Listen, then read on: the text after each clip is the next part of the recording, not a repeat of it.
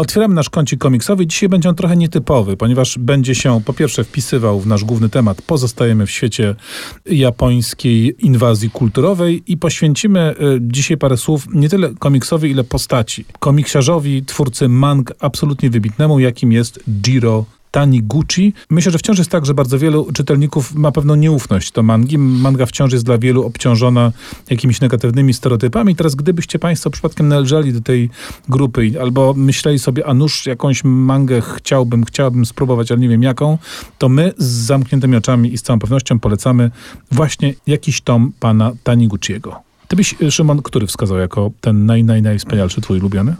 Chyba nie wiem. Chyba najbardziej piorunujące wrażenie zrobił na mnie idący człowiek. Komiks właściwie pozbawiony e, słów, a opowiedziany z, z taką niebywałą e, precyzją. Ja podpisuję się pod tym, co opowiedziałeś obiema rękami. Taniguchi to jest geniusz i co do tego nie ma cienia wątpliwości jeżeli ktoś do mangi nie jest przekonany, nie musi się do niej e, przekonywać, natomiast niech nie pozbawia się obcowania ze mm, tak wybitnymi e, dziełami jak komiksy Taniguchiego. E, najnowszy ku mojemu zaskoczeniu, komiks Taniguchiego mm, dostępny w Polsce to komiks pod tytułem K i jest komiksem himalajstycznym, czego nie spodziewałem się po tym e, autorze. No widzisz, ja bym z kolei wytypował jako mój najulubieńszy tom pod tytułem Odległa dzielnica. On wprawdzie z 10 lat temu się ukazał po polsku, więc szukać go można raczej po antykwariatach y, bądź bibliotekach. Natomiast Odległa dzielnica ma w sobie treść i problematykę godną naprawdę poważnej, wybitnej powieści, opowieści o mężczyźnie, który w wyniku podróży pociągiem nagle jakby cofa się w czasie, staje się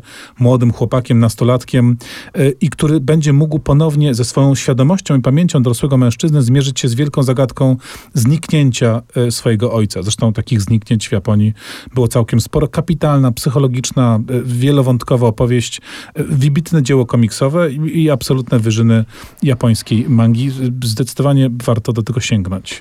Tu robimy przerwę i co? I może posłuchajmy jeszcze raz Joe'ego Hiseishiego, tym razem z filmu Water Traveler.